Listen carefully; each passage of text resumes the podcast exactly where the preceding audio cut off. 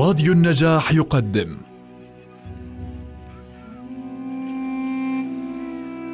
المسلسل الإذاعي صلاح الدين الأيوبي للكاتب وليد سيف والمخرج حاتم علي.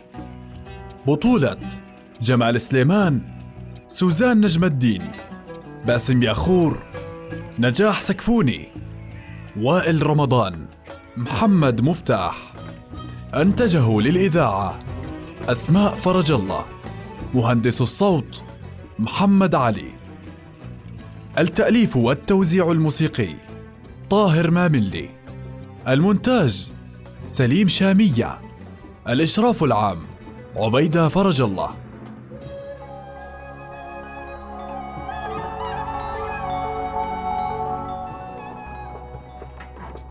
نبعث إليهم رسولا آخر ما الذي تغير عليهم حتى يغيروا؟ ما زال جرديك سجينا عندهم. لعل أيام الحصار قد ألانت نفوسهم ونعذر إلى ربنا فيهم. أريد أن أعرض عليهم السلم وأنزل عند شروطهم حقنا لدماء المسلمين. قد علمت أن شروطهم هي أن تعود إلى مصر وتترك الشام كلها ولا يرضون بأقل من هذا. فهل أنت مستعد لهذا الشرط؟ مستعد أن أنزل لهم عما في حوزتهم من البلاد على أن يتركوا لنا رعاية الصالح. ويعاهدون على قتال الفرنجة معا هذه هي غايتنا أولا وأخيرا هي أنت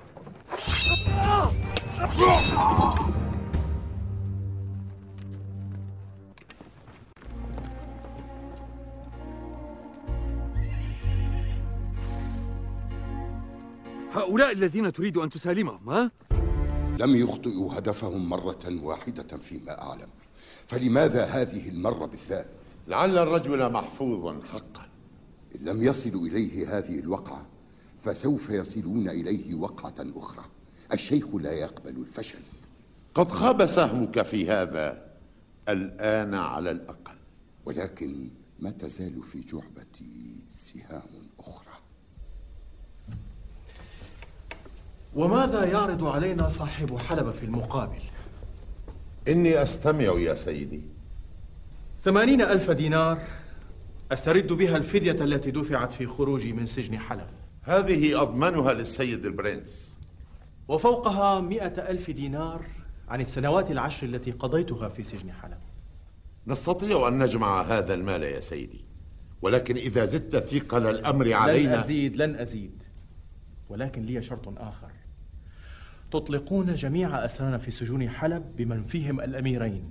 رينو دي شاتيون وجوستين كورتيني ولكن بعد أن يتحقق المراد ويرجع صلاح الدين عن حلب. سيرجع سيرجع. لم يحدث مثل هذا النزاع بين المسلمين منذ زمن طويل. لعل الذي حققوه في مصر أن ينفرط هنا. أين نور الدين الآن؟ رماني في سجن حلب عشر سنين.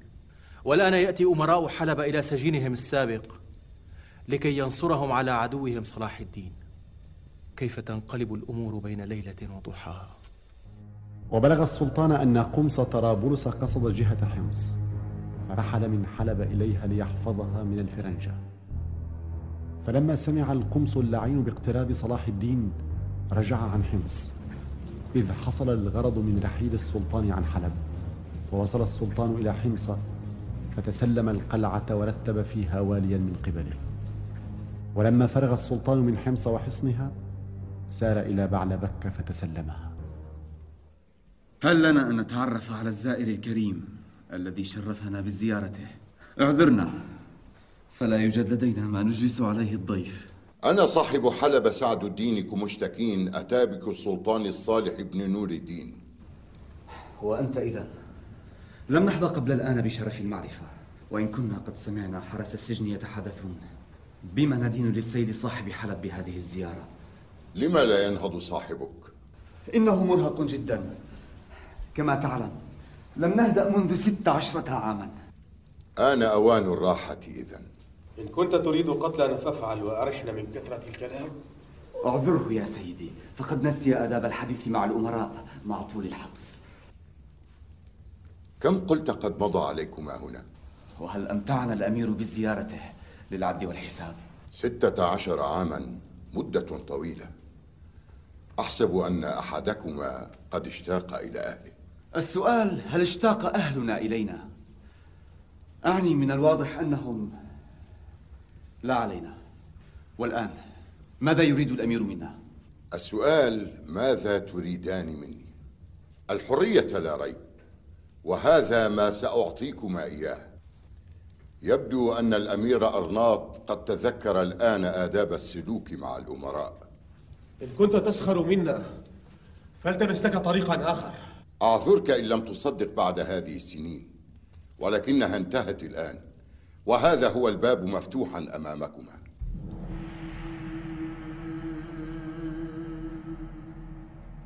هل أنت جاد؟ هل افتدانا قومنا أخيرا؟ نعم لماذا أتعجب؟ الملك بالدوين الرابع. ابن أختي أجنس. أنا خال الملك. بل الأمير ريموند صاحب طرابلس وهو كفيل الملك المجذوم. مجذوم؟ ابن أختي مجذوم؟ سيكون معكما كل الوقت للاستدراك على ما فاتكم من أخبار. أما الآن فلا حاجة للمكوث هنا لحظة واحدة. هيا وفى أمير طرابلس بعهده فنفي له بعهدنا. أين الاستقبال العظيم؟ أين الأبواق والطبول والأعلام والزهور وقرع الأجراس؟ لا بأس سنحتفل أنا وأنت وبطريقتنا الخاصة سنبقى أصدقاء أليس كذلك؟ أعني إن صحبة السجن الطويلة توحد الليل والنهار فلماذا لا تجمع بيننا وإلى الأبد؟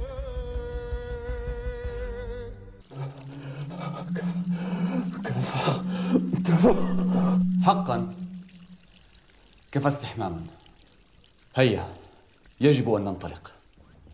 جوسلين أخي الحبيب أخيرا. أخيرا. لم أعتقد أنني سأخرج من ذلك السجن اللعين الذي مات فيه أبونا بارك الرب روحه. تعلم أني بذلت جهدي بلا شتوى أعلم. وتعلم ما صنعوا بي البطريرك والبارونات. أعلم. ولكن هذا كله انتهى الآن. ولدي ابن أختك هو الملك. تخيلي إنني لا أعرفه. ولد وأنا في سجن حلب. سوف تعرفه. آه صديقي ورفيقي في السجن طوال ست عشرة سنة. رينو. رينو دي شاتيون بالطبع. كونتيسا أجنس مرحبا بك يا رينو في القصر الملكي. خال جلالة الملك أخي جوسلين والأمير رينو دي شاتيون صاحب الجلالة. صاحب الجلالة. الأمير رينو. كان وصي الأمير بوهيموند في أنطاكيا وزوج الأميرة كونستانس بارك الرب روحها وهو يضع سيفه في خدمة جلالة الملك ويرجو القبول.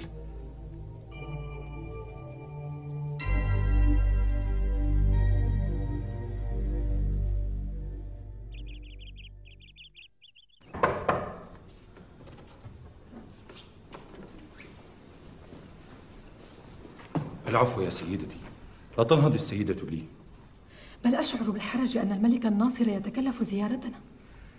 واجب يا سيدتي لن ينقطع الوفاء يوما للملك الشهيد. الحمد لله على سلامة الملك الناصر. فقد سمعنا ما جرى لكم. لم يكفهم أنهم استعانوا بالحشيش لقتلي في معسكري وبين رجالي. بل زادوا على ذلك أنهم استعانوا بصاحب طرابلس القيم على ملك الفرنجة المجذوم لم تصب بسوء بفضل الله لم يصلوا إليه ولكنهم لم يقتلوا حتى قتلوا عددا من عساكرنا ولكن ولدي الملك الصالح هل توصل إليه أحد؟ هل تعلمون شيئا عن حاله؟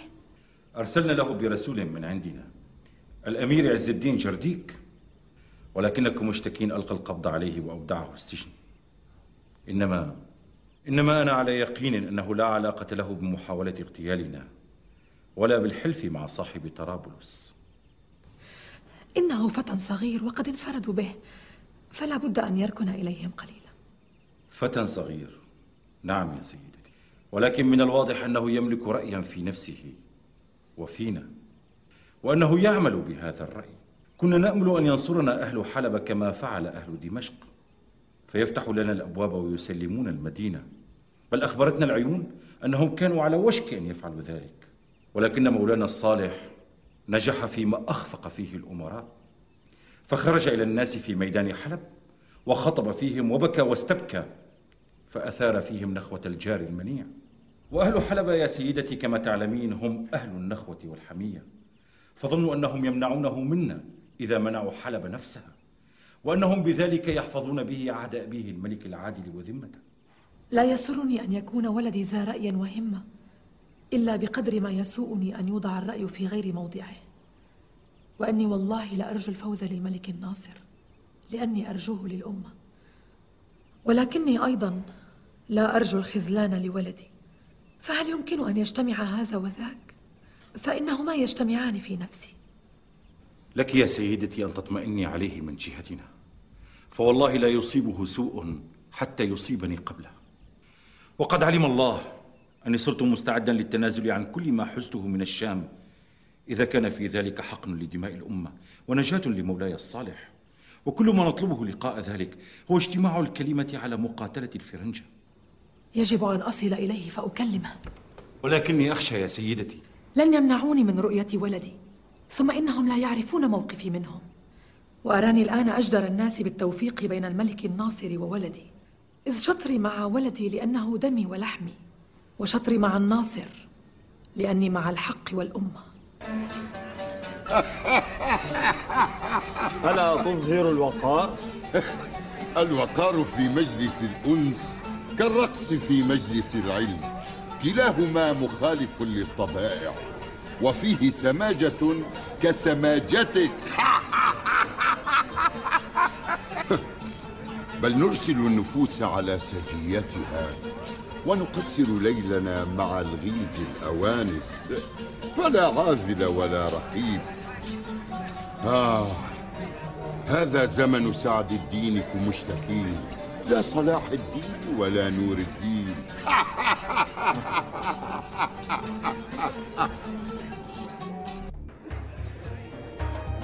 هيا اختلطا بالحضور. تولى تعريف الأمير رونو وإذا احتجتماني في شيء أنا في خدمة أوسم أميرين في هذا الحفل. هيا. بارون بالدوين أبلين سمعت بعائلة أبلين أصحاب يبنى. برزوا في غيابنا. عائلة مغمورة في الأصل لكن أباهم جمع ثروة طائلة من التجارة. اشترى بها الألقاب والإقطاعات. وهم الآن أغنى بارونات الساحل. هو وأخوه باليان يمتلكان معظم الساحل الجنوبي. وأنا أمير بلا إمارة. وأبناء التجار ينعمون بكل تلك الإمارات. كأن كل ما ملكوه لا يكفي حتى استطاع أخوه باليان أن يوقع الملكة السابقة ماريا كومنينا في غرامه. ولم يمض وقت قصير على وفاة الملك الراحل أمال ريك حتى تزوجت به لا أراه ما هنا. وهل تتوقع وجود الملكة السابقة هنا مع وجود أختي أغنس في القصر؟ لا تقلل من قدرات أغنس ولا من حقد المرأة التي تجرح في كرامتها.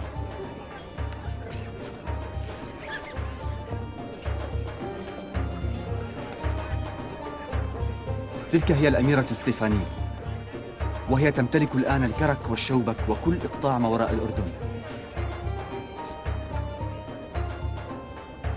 انظر هناك. ما رأيك بهذه القطعة النادرة؟ ألا تستحق أن يموت الرجل من أجلها؟ لم يوجد الشعراء إلا بوجود أمثالها. عرفني عليها. إيزابيل كنت أدخرها لنفسي ولكن ما علي لو ضحيت بقلبي من أجل رفيق السجن الطويل. أعني الأميرة ستيفاني. ماذا؟ تترك الصيب والجمال لتتعرف على هل ستقدمني إليها أو لا؟ هيا. الأمير رينو دي شاتيون صاحب أنطاكيا سابقا ورفيقي في سجن حلب. في هذا العمر؟ في أجمل العمر يا سيدتي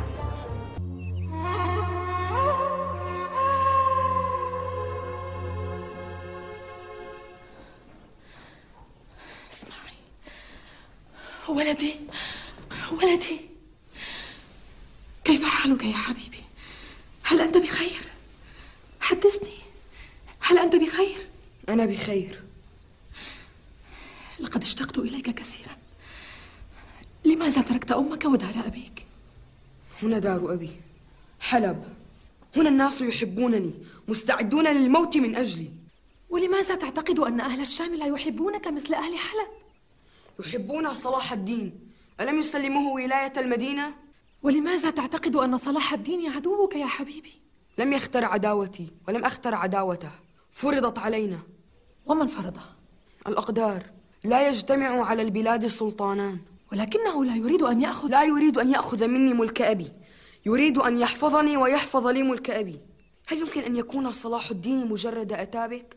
أتابك السلطان؟ لو رضي فإن الناس لا يرضون. إنه كبير مثل نور الدين. هكذا خلقه الله. ولا مكان للصغير إلى جانب الكبير. ليس ذنبه وليس ذنبي. الأقدار أرادت ذلك. تقول صلاح الدين كبير مثل نور الدين. أي مثل أبيك؟ ألا يرضيك أن تكون في ظل أبيك أو من هو في منزلته؟ وماذا عن منزلتي؟ هذا هو إذن. لذلك آثرت أن تترك أمك. تريد أن تكون سيد نفسك. منذ وعيت وقد وعيت مبكرا. هذا واضح. وأبي رحمه الله يملأ الدنيا مجدد الأمة والدين. بالطبع كنت فخورا وما أزال لكني كنت أسمع أيضا أنت السلطان بعد أبيك. فأقول كيف يمكن أن أكون مثل أبي؟ سوف يقارن الناس دائما بيننا. فكلما ترحموا عليه يكون مقصودهم أين الأب من الإبن. ثم فكرت إذا لم يكن في وسعي أن أكون مثل أبي الأفضل ألا أحاول. الأحسن أن أكون أنا كما أنا. ثم جاء صلاح الدين ليجدد نور الدين إلا أنه ليس أبي لأجد فيه حب الإبن لأبيه. فما مكاني معه؟ وأن تكون في جواركم مشتكين وأولئك الأمراء هذا أفضل برأيك؟ أما صلاح الدين فإني أخشاه ولكني أقدره. وأما الأمراء الذين حولي فلا أخشاهم ولكني أحتقرهم. وسيأتي يوم يعرفون فيه من هو صاحب الأمر والنهي. الكل يريد أن يكون قيما عليه أمراء حلب صلاح الدين وحتى أمي عصمة الدين. لماذا لم تفكروا بأني أريد أن أكون القيم على نفسي؟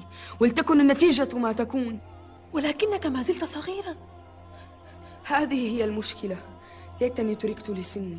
إذا ارتحت وارتحتم. ولكنكم عملتم كل ما تستطيعون لأكون رجلا قبل سن الرجولة. أنت يا أمة كل تلك الكتب وكل ذلك الكلام والأفكار عن السلطنة والسلاطين الرجال والسياسة والحروب والسلام.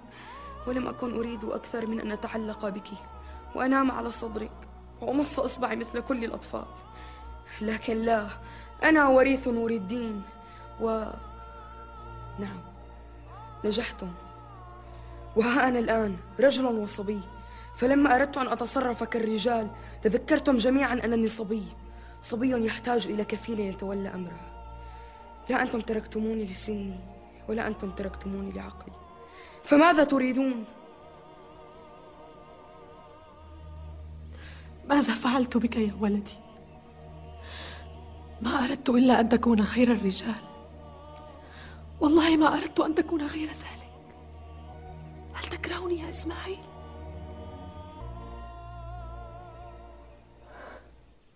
أمي هل تأذنين لي أن أنام عندك هذه الليلة؟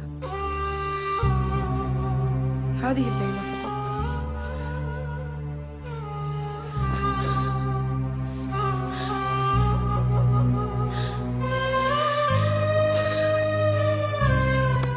ولما أحس صاحب الموصل ان صلاح الدين قد استفحل أمره وعظم شأنه وعلت كلمته خاف أنه إن ملك حلب فقد يتعدى الأمر إليه ويصل سلطانه إلى ما بين يديه فجهز عسكرا وافرا جعل إمرته لأخيه وانضم إليه من كان بحلب من العسكر وخرجوا في جمع عظيم. ولما عرف السلطان بمسيرهم سار في عسكر خفيف حتى وافاهم بقرون حماة.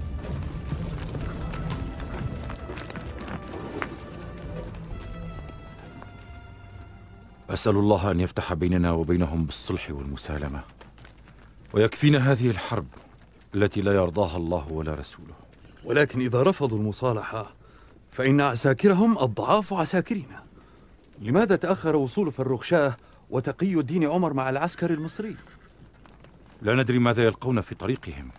قد يضطرون إلى تغيير مسالكهم إذا أحسوا حركة من الفرنجة. أما إذا لم يعترضهم عارض فلا يلبثون أن يصلوا إن شاء الله. وإن أصر القوم على الحرب والمصاف احتلنا عليهم بكل الطرق لكي نبطئ اللقاء. ولعل العسكر المصري يصل في هذه الأثناء فنقوى به. يا قوم إلى ما نكرر على أسماعكم أن لا نريد إلا اجتماع الكلمة على قتال الفرنجة؟ كم أنفقنا من الوقت والجهد والمال في قتال بعضنا بعضا؟ حتى هيأ الله للأمة عماد الدين الزنكي ثم ولده نور الدين فاجتمعت كلمة الشام ثم كلمة الشام ومصر والآن بعد أن بدأنا نشم ريح القدس. نعود إلى أيام الجهل والجاهلية. هل يرضي هذا الله ورسوله؟ كلام تقوله ولا يصدقه العمل. كيف نثبت لكم؟ تنزل عن حمص. نزلنا. وحماة. نزلنا عن حماة. وننزل كذلك عن بعلبك وعن كل ما حزناه من الأرض والحصون في الشام. نكتفي بدمشق ونكون فيها نوابا عن الملك الصالح ونكون له تبعا. ونقسم على ذلك بكتاب الله. هل يكفي هذا تصديقا لكلامنا ومقاصدنا؟ يجب أن نرجع إلى أحلافنا المواصلة فننظر رأيهم ثم نأتيك جوابنا وهل بعد هذا النزول رأي ونظر؟ ما هذا الذي فعلت؟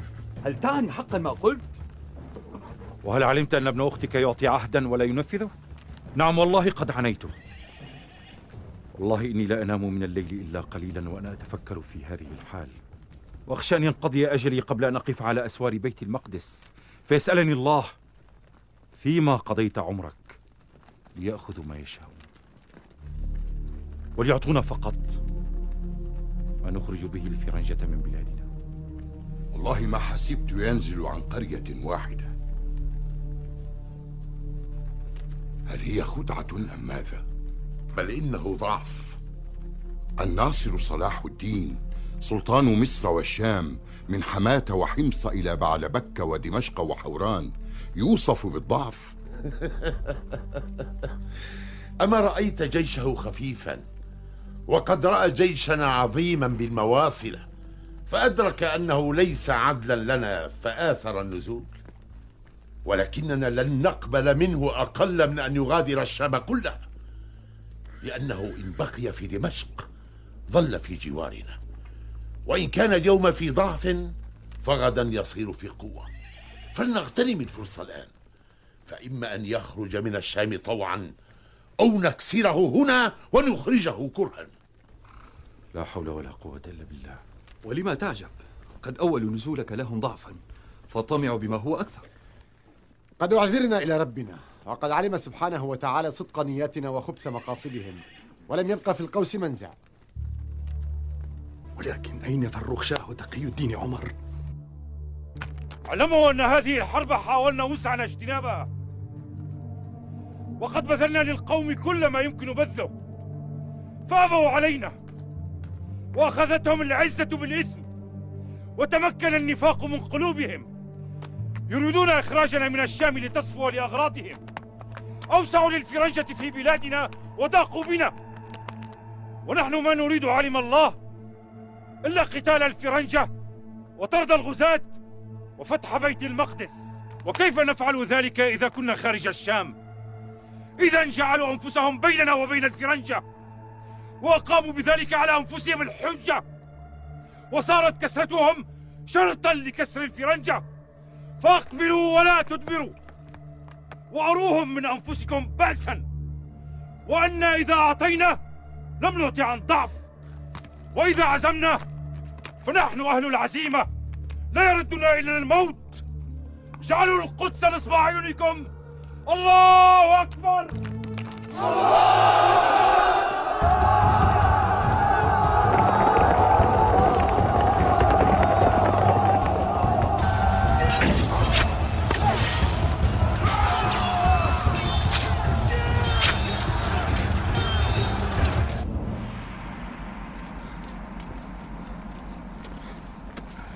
ما أردنا هذا.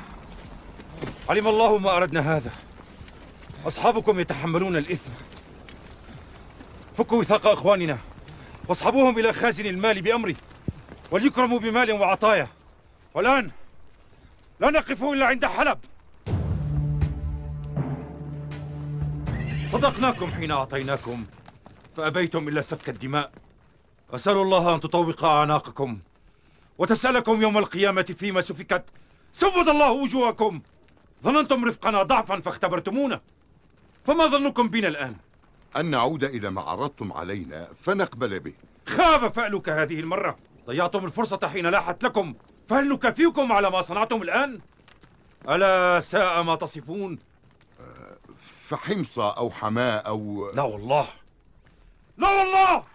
لا أعطيكم عودا مما في أيدينا. جئت الآن لآخذ منكم. لن يعطيكم وماذا عن الصالح؟ ماذا عن الصالح؟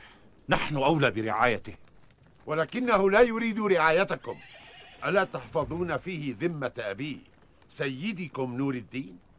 وما أدراني ما يريده ابن مولانا إلا أن أراه بنفسي وأتحقق من أمره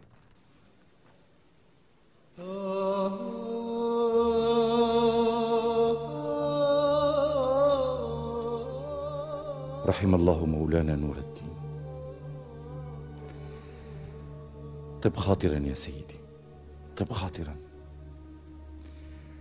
والله لنغفر ذمة أبيك وأنت عندي كولدي.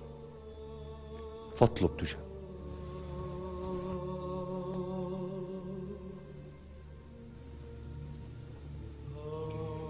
إنك تشبه أباك. حقا. وأنت تشبه أبي. لا أعني الصورة بل أريد حلب ولك ما عداها. وهؤلاء الذين قاتلون باسمك هؤلاء اتركهم لي. لا يغرنك سني. سأعرف كيف أتدبر أمرهم. هم في حاجتي ولست في حاجتهم.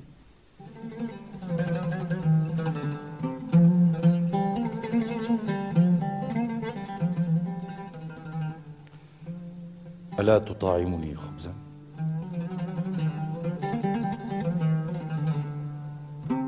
وعاد السلطان قاصدا دمشق فلما وصل إلى حماة وصلت إليه رسل الخليفة المستضيء ومعهم التشريفات الجليلة وتوقيع من الديوان بالسلطنه ببلاد مصر والشام.